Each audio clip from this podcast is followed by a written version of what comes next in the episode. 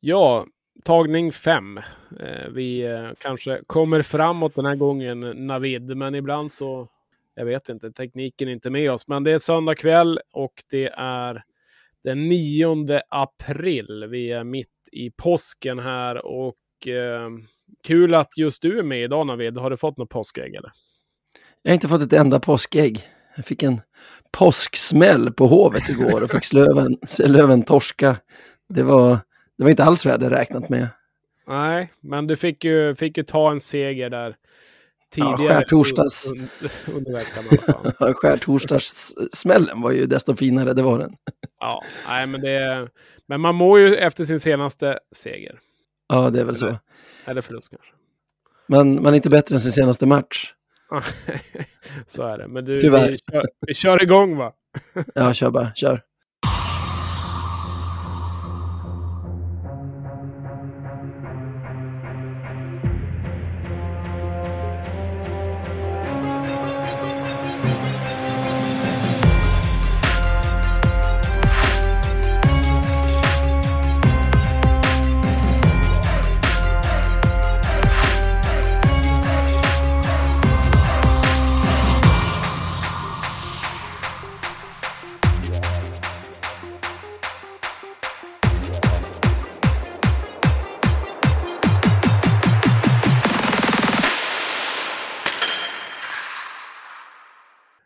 Ja, eh, det är inte alla ser, eh, det är klart vad som händer bakom kulisserna, men jag kan säga att det är kaos här i alla fall. Men på något sätt så är vi ändå med och vi har en pausknapp och allt möjligt. Så att eh, Navid, vi kör som på ändå och eh, om ni är uppmärksammade så har vi inte vapendragaren Emanuel Forslund här idag. Han är på, på andra uppdrag. Men jag fick med mig husfadern här, Navid Deal. Eh, frågar igen, hur är läget?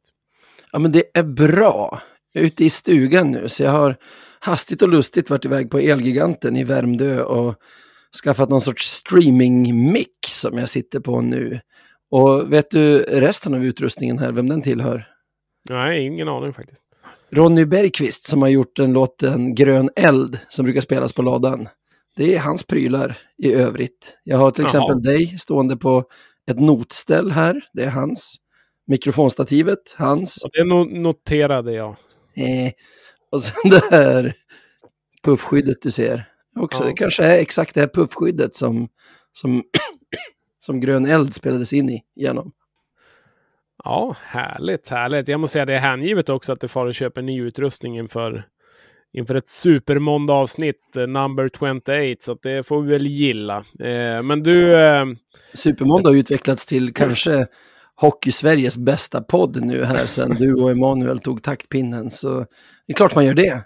aha, ja, precis, eh, känn dig, känn dig, eh, jag vet inte vad jag ska känna att du får vara med här. Nej, så är det inte, utan vi är bara glada att vi får hålla på och snacka lite skit om inte annat. Men eh, vi ska väl försöka ha någon form av seriositet även den här gången. Vi har ju hockey som har spelats och det är väl hockey vi pratar om såklart. Och vi har ett Örnsköldsviks lag, det är Heart of Hockey, Modo, klart för final. Eh, och det är ju första gången det händer sedan 2019 när, eh, när eh, säsongen ställdes in. Vad har du för kommentar till det Navid? Min första kommentar är att det var ju våren 2020 som vi stod mot dem i final och den finalen ställdes in där efter två matcher. Min andra Säsongen kommentar 1920. Precis. Min andra kommentar är väl att jag ser ganska mycket i sociala medier om att Mora skulle varit så himla dåliga. Och det kanske inte är deras fyra bästa matcher för året, men jag ser lite för lite om hur imponerande Modos bedrift ändå är i mina ögon. De, det är ju jämnt i ganska många av matcherna och Mora är ganska bra i matcherna, men eh, Modo har skickligheten och spetsen och bredden att ändå gå, gå in och vinna varenda en av de här fyra. Så jag, jag ser hatten av till Modo. De, på något sätt lyckas de vara både seriesegrare och underdogs i finalen, fast man inte ens vet mots... förlåt, fast man inte ens vet motståndet. Och det, är- det är en jävla fin sits de sitter i där. Uh, ja, nej, jag kan väl bara kommentera det att uh, jag själv har väl varit lite kritisk till Modo och tyckt att de... uh, Eh, nej, men jag har väl eh, tyckt att de kanske väl har gått lite enkelt och att Mora inte riktigt har ställt upp för kamp. Eh, och det är liksom svårt att se vart, vart Modo står såklart. Eh, det var ju lite som när Djurgården vann, eh, svepte eh, Bofors också. Eh, så trodde man att det här kommer bli tuffare såklart i en, i en semi, vilket det också har visat sig vara. Men samtidigt så har Djurgården visat sig vara väldigt stark också. Så att det finns alltid två sidor av myntet. Men jag har sett ganska mycket av Modos matcher mot Mora och mycket i sin helhet också. Och kan tycka att, eh, att Mora har... De har inte varit så bra så att det blivit 4-0 i matcher, men absolut att de har varit det bättre laget. Sen vinner Modo vinner för att de har en bredare spets, de har ett bredare lag, de har en bättre målvaktssida. Eh, Nick Halloran till exempel som har kommit in och varit riktigt bra. De har spetsar som kanske inte har levererat fullt ut heller, som börjar komma igång. Dickinson har kommit in ganska sent och så vidare. Så det är klart att Modo kommer bli riktigt bra i finalen. Det är inget lag som kommer svepa dem i fyra matcher direkt, utan det kommer bli jämnt hela vägen in. och Modo vann serien. Eh, fick väl kanske inte så mycket cred för att de vann serien ens. Eh, de togs vidare från kvarten. var väl inte så många som snackade om Modo. De svepte Mora. Det är fortfarande inte så många som snackar om Modo, utan alla säger att det är Djurgården eller, eller Löven då som kommer, kommer gå upp. Så att, ja, lite oförtjänt, det kan jag hålla med om, men de har inte varit lika starka som till exempel HV i fjol. Men det är en ganska lång ut, utläggning, men jag tror du kanske hänger med på vad jag menar. Absolut. Och jag håller väl med i stora delar egentligen. Eh, däremot att, att Björklöven-Djurgården skulle vara någon sorts moralisk final, det känns som att det inte kommer från Björklöven-håll och jag vet inte om det kommer från Djurgårdshåll utan mer typ utifrån, medier och sånt. För jag tror Modo, Modo har en jättebra chans mot både Löven eller Djurgården beroende på vem de får möta. Absolut. Eh, jag tror det kommer bli, bli jättejämnt, alltså sex eller sju matcher i en eventuell final. Sen har ju också Modo sin hemmaplansfördel och är det någonting Modo är så är de bra på hemmaplan och de får med sig de får helt klart med sig publiken och har också ett väldigt bra publikstöd på hemmaplan. Så att, eh, Modo, Modo har en stor chans att gå upp i år. Så att det blir eh, spännande att se framöver här och jag tror inte de var jätteledsen när eh, Djurgården vann match fyra här och Eh, ja, Djurgården tappade en till målvakt och det vart avstängningar och hit och dit. Det är en riktig kaosmatch som typ aldrig tog slut. Jag tror första perioden tog typ 45-50 minuter. Ja. Eh, ja, jag var liksom... ju där och det var ju verkligen en match där man kände så här, kan det bara ta slut? Alltså, verkligen så, första perioden tog ju aldrig slut. Så tycker det var likadant med andra. Eh, man ja, att det nej, betyder men... mycket nu. Nej, men det var ju, det var ju hela matchen var ju, var ju liksom kaos eh, såklart. Och eh, jag såg en ganska skön GIF på Twitter. Twitter är en, som sitter och gungar och liksom eh, längre bort så är det fullständigt kaos. Det bara brinner och, och så vidare. Det var liksom Löven, Djurgården där borta och så är det någon modigt som sitter och gungar i lugn och ro och liksom vad är det som händer ungefär. Så att, ganska talande faktiskt och ganska, ganska stor portion humor också tycker jag. Ja, och jag tycker det där har visat sig genom åren vara bra för det laget som vinner serien.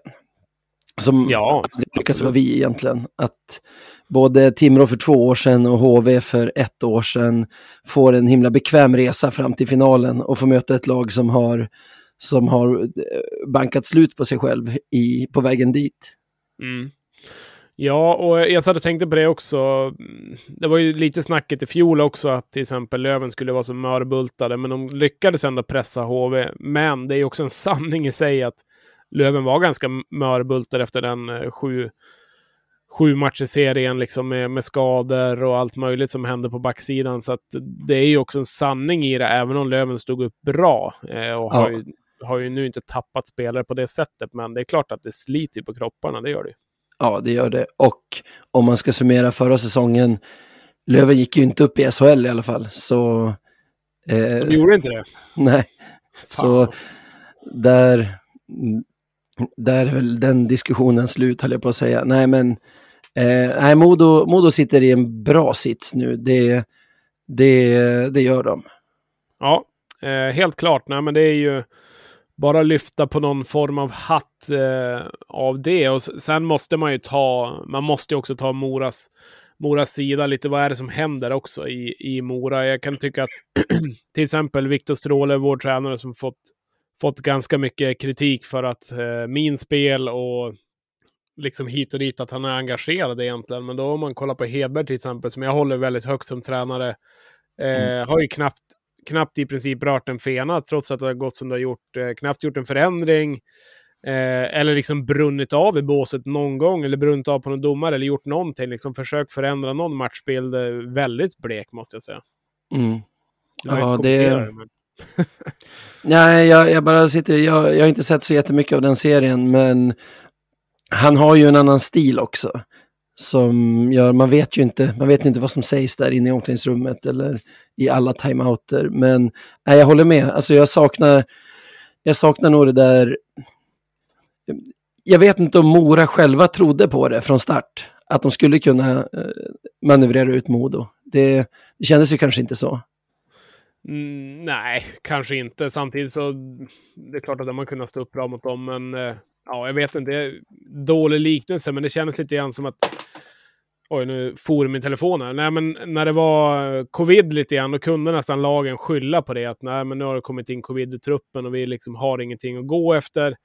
Eh, det känns lite som Bofors i år var helt plötsligt, vad händer lite grann? Och Mora likadant, jättesvaga. Eller så är det, det såklart, en, det är ju ett lag på andra sidan som, som gör dem svaga också. Så att, eh, men ja, det är som det är. Vi, vi släpper det. Det blir spännande att se vad som händer, händer framöver. Men kort om eh, Björklöven-Djurgården som har match fem här på ingång på annandag påsk. Eh, 16.00 start i start i Umeå. Vad tror du och tycker och tänker om den matchen, Navid? Ja, vad tror du, tycker och tänker? Ja, jag har inte tänkt så mycket på den på grund av all irritation och frustration som har varit över den nu det här senaste dygnet sen, sen match fyra över domslut som har varit, eh, anmälningar som har varit, avstängningar som har varit och är väl fortfarande lite för irriterad för att kunna prata om det på ett konstruktivt sätt. Så vad ska vi säga om match fem egentligen. Jag tycker att Löven faller lite ur ramarna i match fyra och spelar inte, spelar inte på ett sätt som jag vill se dem spela mot Djurgården. Jag tycker vi, att vi inte alls har kontroll över, över matchen och över matchens skeenden. Sen har vi ju en del tur som är med målmässigt inför sista perioden, där jag tycker vi gör en bra match, eller en bra period, men ja, som, som vi förlorar. Och sett över 60 minuter tycker jag väl att det är rättvist att Djurgården ändå vinner. Men jag vill se ett rejält Löven imorgon som, som håller Djurgården på utsida och som, är, som spelar med pondus. Och får vi se det, då kan jag inte se hur vi skulle förlora. Nej. Håller du med mig om, eh, i alla fall om vi säger då första perioden i går blir det då, det blir väl två dagar sedan för de som lyssnar på det här, de flesta, men håller du med om att Björklöven gör ja, en av sina sämre insatser i slutspelet? Ja, men det skulle jag säga. Absolut, särskilt. Jag tycker Djurgården blåser ju på från start på ett sätt som jag hade förväntat mig i match tre, som vi inte fick se dem komma ut i match tre på hemmaplan. Där de kommer ut ganska hårt och, och liksom kommer ner djupt och försöker checka fast oss och det. Och jag tycker att även om vi inte får låna så mycket puck så håller vi dem ganska bra på utsida och lyckas eh, liksom fippla in två mål framåt. Men sen har vi ju några katastrofbyten som blir eh, ödesdigra skulle jag säga i slutändan där vi, där vi släpper in två mål med vadå 16 sekunders mellanrum eller något sånt. Ja, precis. ja, det gick fort. Det gick fort där. Eh, mm. man jublade till ganska bra. Att, eh, ja ett tag när det stod 2-0, men sen helt plötsligt var det 2-2. Ja, och därifrån tycker jag att vi havererar flera gånger sen. Alltså, båda powerplay-målen som de får göra tycker jag att vi, att vi tappar dem, att vi inte räknar dem. Och jag tycker att fastän vi vet att de är väldigt vassa på spelvändningar så, så känns det som att väldigt många av våra anfall i första och andra perioden slutar med en två mot ett eller en tre mot tvåa för Djurgården där vi liksom måste eh, tokjaga hem för att, inte, för att inte släppa till farliga målchanser. Ja, nej, jag håller med. Alltså, vad jag tycker lite grann att när vi blir, alltså, ibland så kan Björklöven bli lite ängslig. Det är inte ofta vi blir det, men blir vi lite ängslig så tycker jag att vi, vi har en sån här tendens på, på att göra de här klassiska, liksom backa hem lite för mycket. Vi släpper mittzon. Eh, de får komma med ganska fin fart, lite som när Lekkerimäki gör gör första målet i, i torsdags, eh, när han liksom får driva igenom och nu sätter han den väldigt fint. Men lite på det sättet att de får komma med den farten. Ja, de får ett friläge där också där vi helt liksom har tappat mitten och, och liksom man kommer ja. fri också. Så att, Eh, lite så naiva beslut på något sätt och lite, spelar inte med sån här jätteödmjukhet heller. Och det är lite ovanligt, men ibland så händer det att det smyger in lite grann i Löven och sen kan det komma en kort period. Vi släpper in mycket mål ofta i de perioderna och sen kan vi bli ganska stabila igen. Men eh, något som Stråle har gjort bra, att när det har blivit sådana här matcher så har han faktiskt lyckats vända det ganska bra matchen efter och fått in något mm. annat typ av lugn och så vidare i spelet. Men, men jag saknade, jag saknade en liten ödmjukhet. Jag tycker vi, vi tappar matchen och jag skrev inför tredje perioden att eh, det är ju drömläge för Löven att vi i princip är med i matchen. Vi ska ju vara glada att vi ja. är det. Inte för att, inte ja. för att jag tycker Djurgården är super, super bra, men jag tycker ändå att de är, de är bättre än oss. Eller de, de gör mm. oss sämre om inte annat. Ja, nej, jag håller med. Eh, jag var väldigt besviken, särskilt efter två perioder igår. Ja, efter tre också, besviken över förlusten. Men, men i tredje tycker jag ändå att vi spelar upp oss och på något sätt är det lag som driver matchen. Så det är klart det är surt också att, vi, att, vi, att det är i den perioden vi torskar matchen. men, Ja, det. är det ju. Och eh, det, det, är klart att det, det, finns en del domslut att diskutera. Jag tycker vi ska väl inte gå in allt för mycket på det, men i alla fall så har vi två avstängningar som vi i alla fall jag tycker vi kan kommentera. Om vi börjar med, börjar med Alex Hatchin som, eh, som eh, åker in i målvakten och Galaida utgår skadad, misstänkt huvudskada. Eh, vad det verkar, han såg väldigt grogg ut i alla fall och utgick egentligen direkt. Eh, och Myrenberg får komma in, deras namngivna målvakt. Eh, det slutar med att Hutch åker på två matcher avstängning.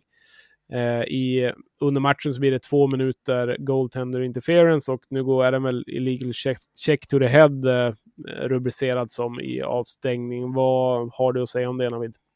Ja, jag tycker, eller dels eh, disciplinnämnden strök eh, rubriceringen illegal check to the head. De tyckte okay. inte att, att videobilderna gav stöd för det, utan det de menar är att Hutchings har för hög fart in, alltså han är likgiltig. Alltså fastän han försöker undvika kontakt med Galaida så är han likgiltig inför det faktum att han kan eh, kollidera med honom. Och alltså jag orkar inte kommentera det här för jag är så himla irriterad över det. Jag tycker jag tycker att det är ett bra straff med två minuter. Eh, jag håller med domaren i sin analys efteråt om att han måste ut på grund av, på grund av kontakten med målvakten. Men eh, eftersom han gör allt han kan för att undvika den så, så stannar det på två minuter. Sen, jag vet inte vad mer jag ska säga. Jag blir så himla trött på allt som händer. Det, nu är det två matcher, då får vi väl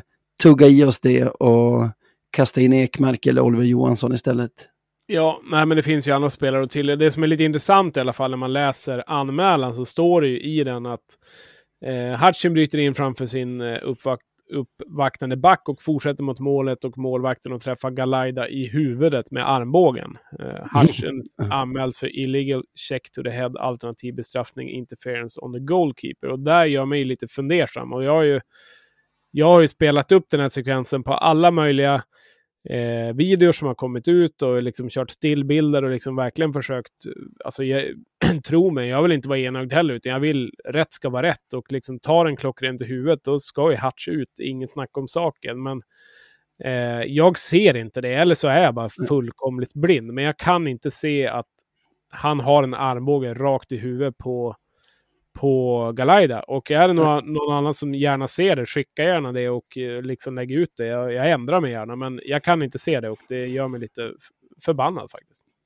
Disciplinnämnden håller ju med dig och det verkar i stort sett hela Hockey-Twitter göra också. Så jag vet inte. Nu, nu är det som det är med den. Vejdemos avstängning har jag inte ens tänkt på. Jag jag vet inte vad man brukar få för sparing, så jag kan inte värdera den. Det, det var ett jävla hjärnsläpp han fick där i alla fall. ja, och i det läget eh, så... Ja, det är ju ett hjärnsläpp eh, så det står härliga till. Jag vet inte riktigt vad han tänker med. Eh, jag har sett någon liksom skön kommentar att Weigel slänger sig. Men nej, kom igen. Alltså det, han drar in hela jävla klubbspetsen i, liksom, igenom pojken typ. Alltså det är som att han är på väg att gå på grillning liksom, med, med Weigel. Så att, nej, eh, det är ju bara ut och duscha och två matcher. Ja, om man ska likställa dem så tycker jag det är helt idiotiskt. Eh, sen, jag vet inte, jag tycker inte heller att det ska, det ska inte avgöras på ett skrivbord heller, men, men att det skulle bli en avstängning på den, ja, det är jag inte förvånad över. Eh, så att, ja, jag vet inte om jag ska orka kommentera det så mycket mer heller, men eh, den är ju solklar. Sen exakt hur många matcher den ska ha, den ska ha fyra, fem, nej, kanske inte heller. Så att, jag, jag vet inte, det kanske är bra med två matcher. Ja. Eh, vet du alltså, vad, vad det brukar sluta på för spearing? Ja, typ tre ska jag gissa. Okej, okay, okej. Okay. För jag har försökt hitta idag, det är ju relativt nytt tror jag, sedan något år tillbaka, att interfering the goalkeeper är anmälningsbart. Ja. Och vad jag förstår så, eller vad jag kan hitta så är det ingen som någonsin har blivit anmäld för det tidigare. Så Hutchings eh, goalkeeper interference igår måste alltså vara den grövsta som har skett de senaste åren. Eftersom det är den som blir anmäld. Och är det så så är det väl så. Jag, jag tror ju inte det. Men... Ja, du har ju någon... Eh, förlåt, jag ska bara säga... Ja, men den blev ju... ja, precis. Nej, men så i alla fall har jag inte kunnat hitta någon sorts, vad ska man säga, riktmärke för vad det brukar vara för avstängningar. Så därför är det svårt att säga om, alltså någonting om den heller egentligen. Jag, jag är väldigt förvånad bara att han blir anmäld. Ja, jag är också förvånad över det. Jag är inte förvånad att han får någon match avstängning, för det brukar det bli det som hamnar på bordet. Det, mm.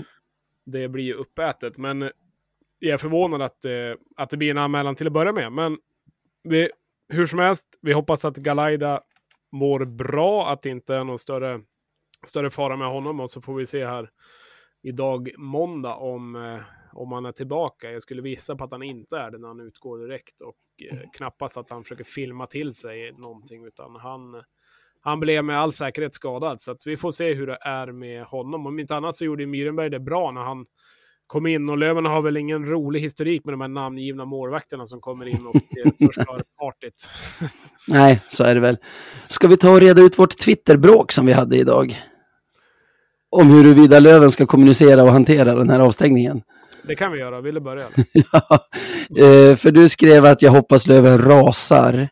Och jag skrev någonting i stil med eh, inga kommentarer är mer effektfullt i det här läget. Och det jag menar är väl egentligen i samband med Weigels avstängning så, eh, vad ska man säga, då, då var vi i ett lite annat läge. Då tycker jag att det var ganska bra av både Kente och och Stråle att sätta ner foten och säga sin åsikt eftersom den skilde sig ändå en del från hur många tyckte. Och liksom bra, att, bra gjort av Löven att få ut sin syn på saken från, från, från sitt håll.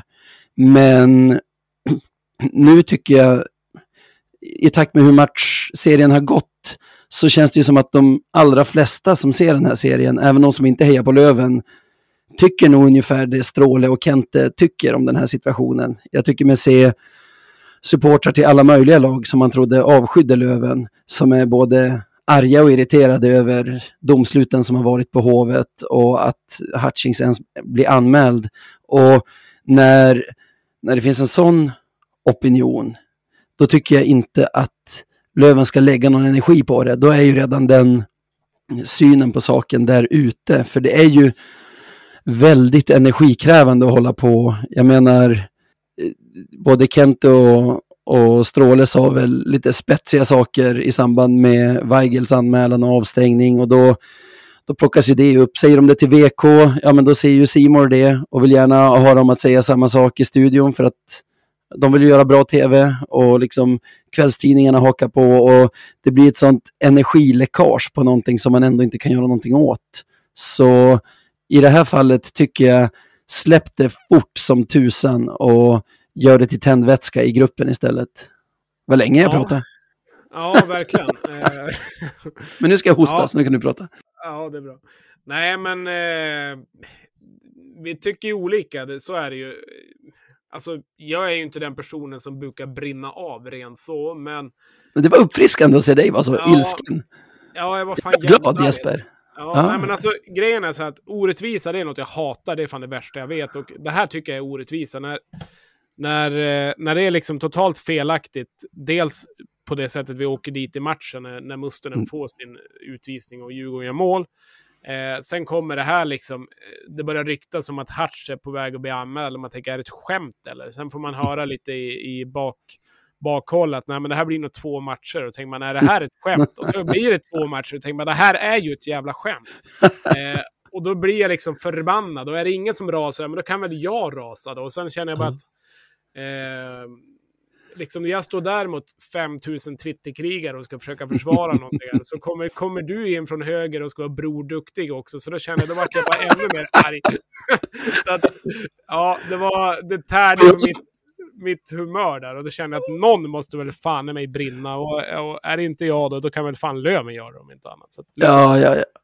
Ja, det har varit härligt att se dig brinna. Alltså, jag har också brunnit. Men du brukar ju, alltså, jag har nog aldrig varit med om att du är så här rasande över någonting, utan du brukar ju ändå vara den så här voice of reason när man själv är så här, vill slå sönder saker. Alltså, du, du är ofta den första som är så här, ja, ja, men det, det är inte domarnas fel, eller liksom, vi får rannsaka oss själva.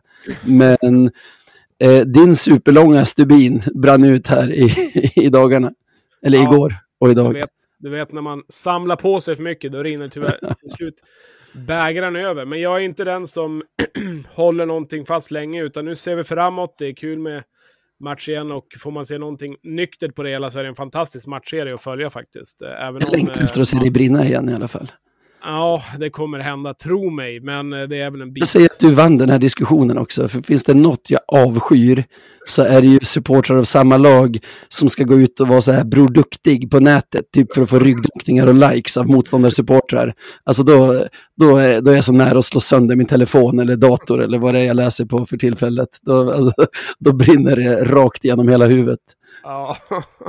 ja, det är bra. Vi får göra en omröstning vem som vinner sen på, på Twitter. Tror jag. Eh, Nej, vi skiter i det och går vidare. Nu, nu är det fokus på det vi kan påverka. Vi har märkt att det räcker inte att vara bättre i den här matchserien, vi måste vara mycket bättre.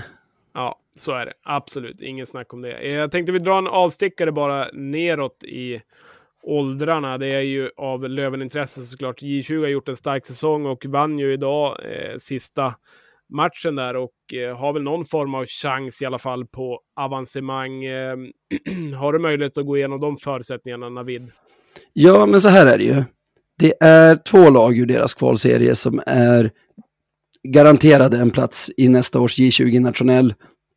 Sen beror ju saker och ting lite på vilka som går upp i SHL och så, för, för SHL-lag ska ju vara garanterade en plats i, i nationell. Men i och med dagens seger mot Karlskoga så har Löven spelat färdigt i kvalserien och ligger tvåa, alltså ligger på uppflyttningsplats, om man ska kalla det, på 15 poäng. Almtuna ligger dock just under strecket på 14 poäng och har en match kvar att spela mot BIK Karlskoga som hittills på sju matcher har tagit fem poäng. Så eh, eh, allt annat än det otroliga är ju att Almtuna plockar hem åtminstone två poäng i den matchen och tar den där andra platsen. Så eh, vårt J20 har gjort en jättebra säsong, men har det inte i egna och har spelat färdigt för säsongen ska sägas, men har det inte i egna händer om de, om de spelar nationell eller regional nästa säsong. Ja, nej, men det är ju, det är ju bara att lyfta på hatten för säsongen. Det är en stark, stark säsong hur som helst. Och att, att de skulle gå så här bra i kvalserien, det trodde jag inte. Jag kollade med några, ja, men några som ändå har koll lite grann innan vad de trodde om kvalserien och sa vi får väl vara nöjda om de tar några poäng liksom. Mm. Eh, liksom på den nivån var det. Men de har ju, de har ju verkligen stretat emot och började med fyra hemma och sen liksom ha fyra borta. Så ganska tufft schema också. Så att, eh, Jag tror att nej, deras men- resultat Bra. hade, hade påverkats om Karl Holmner Hägerstam och eh, William Jusola hade, hade varit tvungna att vara mycket med A-laget. För de verkar, de verkar vara rätt tongivande i den där, på den där nivån.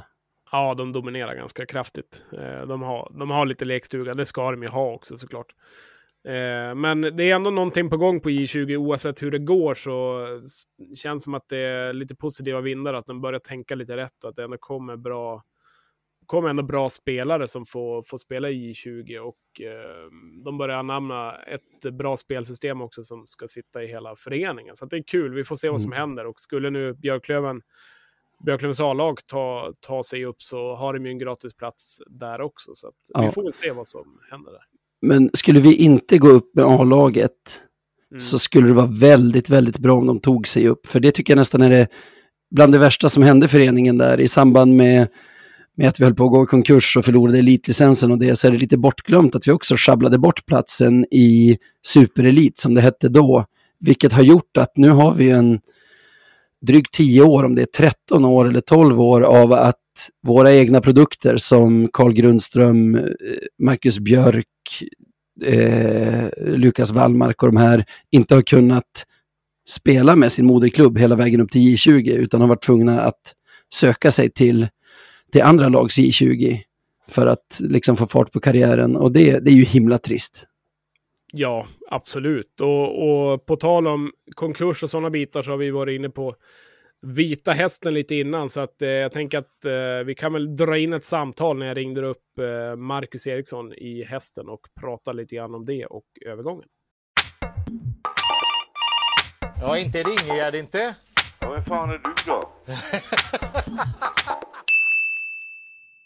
Hallå, hallå, då har vi återigen med oss Marcus Eriksson, ikonen här, Hockeyallsvenskan, som väljer att fortsätta en säsong till och Marcus, sist vi pratades vid när vi hade stängt av inspelningen, då sa jag lycka till i Södertälje och jag får väl säga det igen då, lycka till i Södertälje. Ja men stort tack och ja, du fick rätt den här gången så ja. det, var, det var en bra gissning. Ja, hur, eh, hur känns det? Klassisk fråga.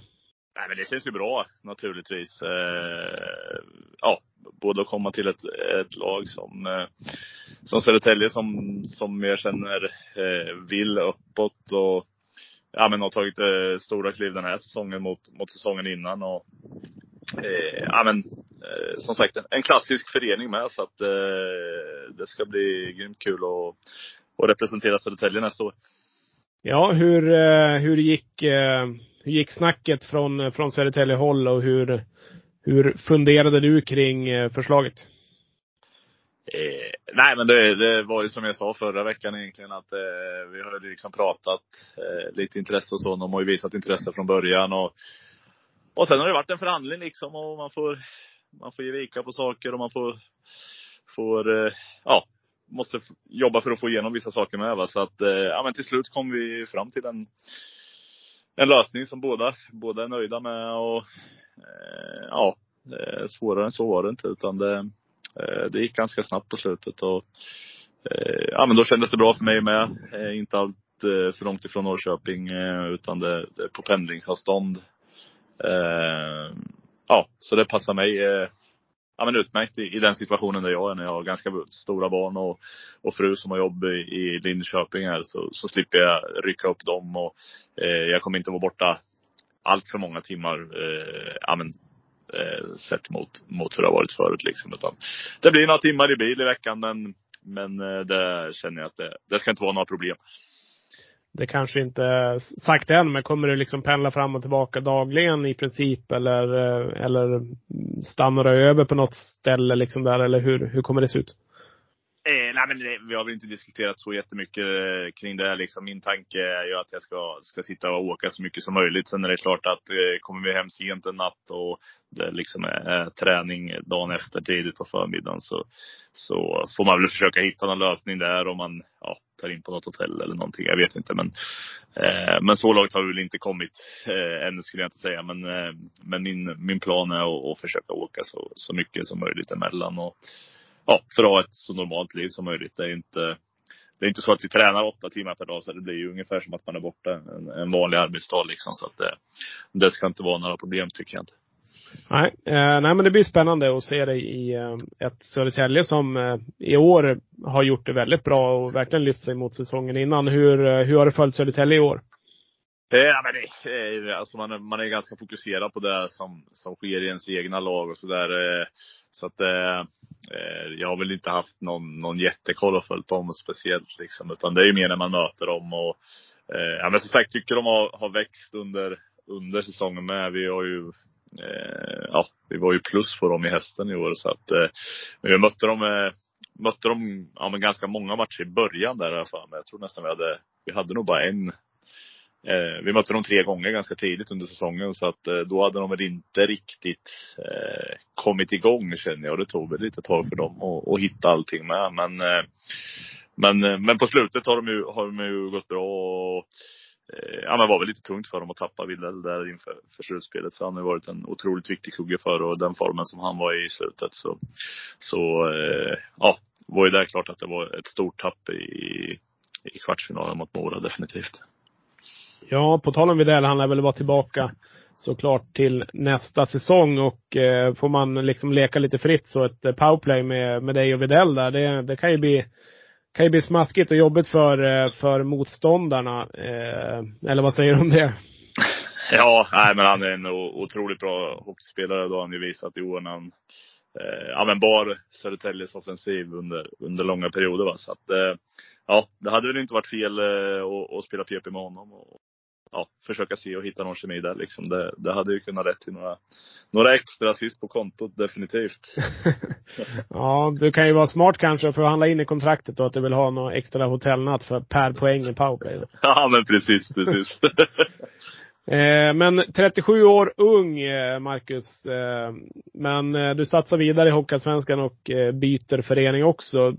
Nu är det ju såklart av omständigheterna som vi var inne på tidigare avsnitt. Annars hade vi väl mest troligt varit kvar i hästen. Men, men liksom hur ser du på, hur ser du på det att komma till ny förening i, i den åldern? Eh, nej men det blir ju speciellt såklart. Alltså det är väl som när man har varit på ett jobb i, i många år med. Va? Det, eh, det är tio år sedan jag var i Västerås eh, i princip. Och ja, det är klart att det kommer kännas lite konstigt att man inte eh, åker upp till, till Himmelstalundshallen och, och tränar där liksom. Eh, det kommer det definitivt kännas i början, det tror jag. Eh, men det är väl, det är väl som allting liksom. Det, det tar ett tag och sen, sen blir det en vardag med. Så att eh, eh nej, jag tycker bara att det ska bli jävligt roligt och det, det kanske är dags att, och, eller det blev dags att testa på någonting nytt med. Sen, sen eh, är det väl en situation med, med hästen som, som inte är rolig liksom. Men det, det, det är ju vad det är och nu, nu är de igång med här och försöker rädda upp det lite så att det är otroligt stor eloge till eh, ja, Bodin och, och, alla fans som, som eh, verkligen försöker rädda det och se till att de kan ja, men börja om på, på en högre nivå än, än, än division 3 liksom. Och, nej, det är stort att se engagemanget som är nu och eh, det, det värmer ett, ett hästenhjärta. Ja, nej men absolut. Jag själv eh, la in en liten slant för att jag vet själv eh, när Björklöven har varit i, i den situationen att det är ju ingen höjdare. Och Magnus Bodin som eh, har varit med i våran podd tidigare också. De, jag såg att han la ut idag att de har fått in en 450 000 ungefär. Så att, och pengarna går väl till Vita Hästen-fans som jag förstår det va? Ja, precis. Det är ju ingenting som, eh, som går in i föreningen som jag har förstått det heller. Utan det är väl fansen som har den och sen ska väl de försöka se till att det blir så pass mycket så att man eh, ja, kan, kan eh, rädda det som räddas kan så att säga. Och nej, men otroligt starkt att få in eh, ja, nästan en halv miljon här på så kort tid. Men det, eh, ja, för mig ställer det ju bara mer frågor om vad, vad de andra som ändå faktiskt har har suttit i styrelser och de som sitter på, på kansliet som haft betalt för att, att göra det här och de har inte lyckats lösa det. Men så kommer, ja men kommer några eldsjälar in i det och, och drar igång det här och det blir ju, ja men fantastiskt att se men det, ja, det är ju synd att det ska behöva gå så pass långt. Eh, eh, och jag kan tycka att man kanske hade kunnat släppt det här tidigare. Så, så kanske fansen hade kunnat dra igång det ännu tidigare. Nu, nu är det ju ändå en ja, en tuff, tuff uppgift som, som de står för. Ja, alltså vi var väl inte inne på det så mycket sist, men eh, när Björklöven hamnade i samma situation så tog det inte lång tid innan det innan det blev de här eh, liksom insamlingarna och kraftsamlingen och, och jag vet folk som ringde runt hela natten ungefär och liksom fick tag i folk. Det, nu ska jag inte uttala mig helt, men det känns ju kanske inte som att från Vita Hästen håll eller liksom från höjdarna Vita Hästen att det har lagts ner exakt den tiden på det. Nej, men det, det, det har det uppenbarligen inte. För då, då, då hade ju eh, ja, beslutet kanske inte hade sett annorlunda ut. Men jag Nej. tror att man, man i sådana här grejer måste ju ut med information. Det är liksom ingen prestige eller någonting. Utan klubben mår inte bra. Och, ja, men alla som, som kan eh, hjälpa till, de måste ju få reda på det. Och, eh, som jag uppfattat det så har, är det ju många sponsorer och så som inte har hört någonting. Och då, ja, då är det svårt att gå in och stötta med när man inte vet exakt hur illa det är. Så, så att eh, någonstans hade väl kommunikationen från, från Vita Hästen definitivt kunnat vara bättre. Men eh, ja, nu får, får vi hoppas att Boddan och, och alla fans där ser till att ja, få in de pengar som behövs för att, för att eh, ja, föreningen ska få, få starta på, på en sån hög nivå som möjligt. Ja, absolut. Vi kan väl eh, säga här också att vill ni bidra så finns det ett swishnummer och det är 123 699 2960. Så att eh, har ni möjlighet att lägga in en slant så gör gärna det, eller sprid ordet i alla fall så att eh, det blir bättre för Vita Hästen. Men du Mackan, eh, vi tackar så mycket för att du gästade oss igen. Eh, Och önskar dig stort lycka till i Södertälje. Det blir väldigt spännande att följa och se vad du kommer, kommer uträtta där. Nu, nu har vi en 45-50 poäng i det va? Nej, det får vi se. Eh, som sagt, det, det, det är klart att jag vill vara med och bidra offensivt. Men, eh, men eh, nej, det ska bli otroligt intressant i varje fall. Och, och som sagt kul att spela i ett, eh, i ett lag som, som har ambitioner och, och ta sig framåt. Och, uppåt och, och vara med och slåss om nålsögat som det ändå är till SHL. Så det, nej, det ska bli otroligt eh, kul och, och eh, tack för, för de vänliga orden. Ja, och eh, blir det terränglöpning nu måndag morgon eller? Ja, vi får väl se här. Jag, eh, jag har väl hållit igång lite här, men, men kontraktet börjar gälla första maj, så det är väl Ja. den gång det sätter igång här. Men det, det går ju inte att komma dit och inte ha rört på sig på en månad, utan det, det är nog, eh, ja, man får, man får sätta igång och köra lite hårdare nu helt enkelt. Ja, det är bra med lite extra motivation. Men eh, ta hand om dig så länge så hörs vi. Ja, men tack så mycket, detsamma.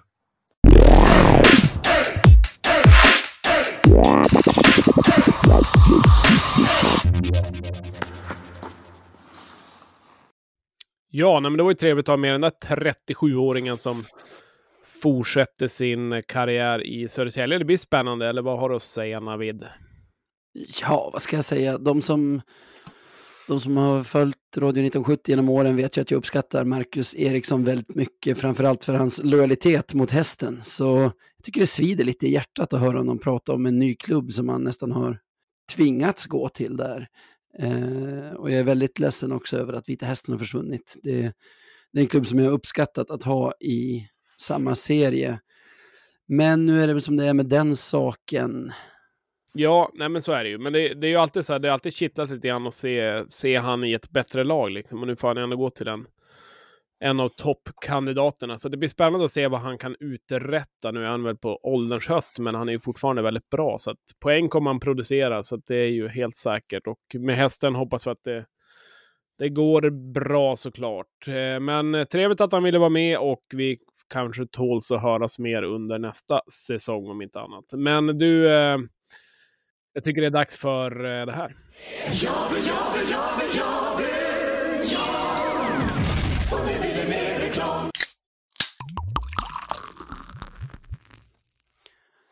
Nu blir man Ja. törstig du. Ja, precis. Jag satt och tänkte på vad jag skulle fråga dig om det. Men eh, nu när det är påskmusstider, är du en påskmustkille eller? Nej, jag är inte så mycket för must. Jag tycker Nej. det är okej. Men jag dricker nog hellre öl eller cola, typ. Ja, nej, men det är ju inte fel heller. Och eh, öl och cola finns det i alla fall på det här stället, men det är väl kanske inte det de är mest känd för. Facit Bar som vi är glada att de fortfarande samarbetar med oss. Eh, Umeå Kungarna på facit. Ja, det måste man säga. Umeås hetaste bar och inte eh, vann även pris till bästa nya cocktailbaren i Sverige. Och Sverige är ju ändå ganska stort. Det finns många tävlande och många städer som är med, så att det är ju lite fränt Jag faktiskt. skulle vilja säga Umeås fetaste bar också. Ja, eh, det också. Och eh, nästan lite hemligt sådär. Ligger liksom nästan hemligt insprängd i, i gallerian där. Så att nej, men det är helt klart eh, värt ett besök och eh, det är en upplevelse. Jag har varit där och eh, vet om det själv så, att- så att säga. Sen har de ju Eh, roliga gästspel ganska ofta också där eh, de är duktiga på att väva in kanske en annan restaurang eller liknande så att det blir lite härliga influenser. Det kan jag tycka är kul också. Ja, jag tycker de som lyssnar på det här, gå dit bara. Eh, ja, precis. Gå dit och stötta Emil och eh, Jörgen Engdahl och grabbarna där så att, eh, och damerna såklart så att de får fortsätta leverera, leverera fint där. Men annars, facitbar.se, kliv in där och eh, kör en bokning och är ni sugen på att köpa lite grejer så facitbarbutik.se. Vi tackar Facit för att eh, ni hänger med oss.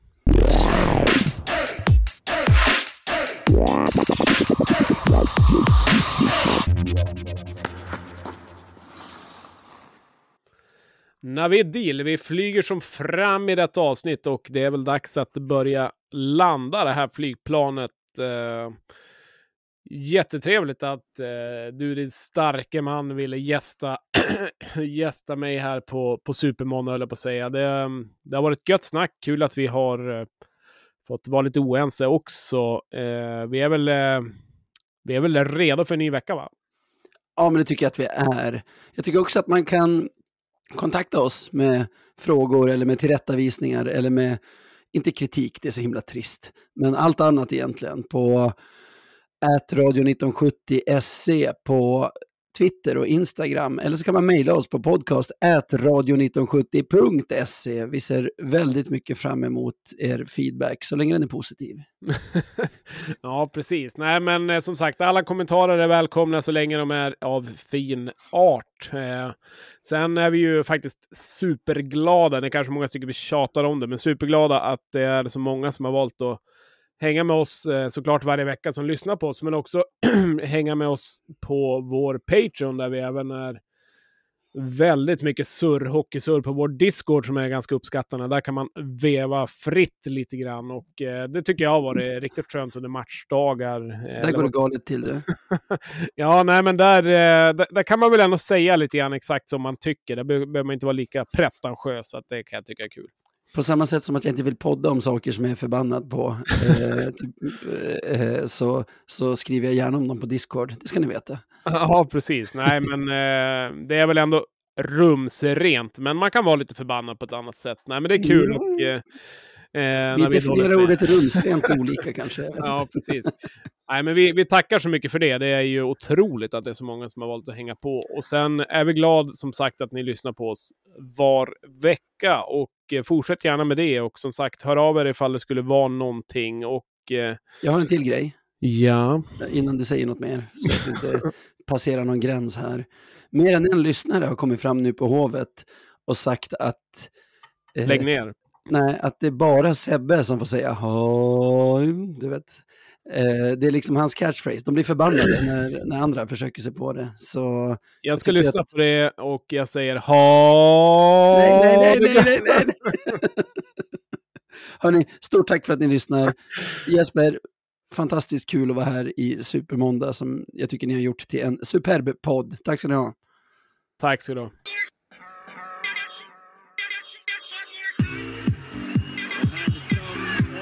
segundo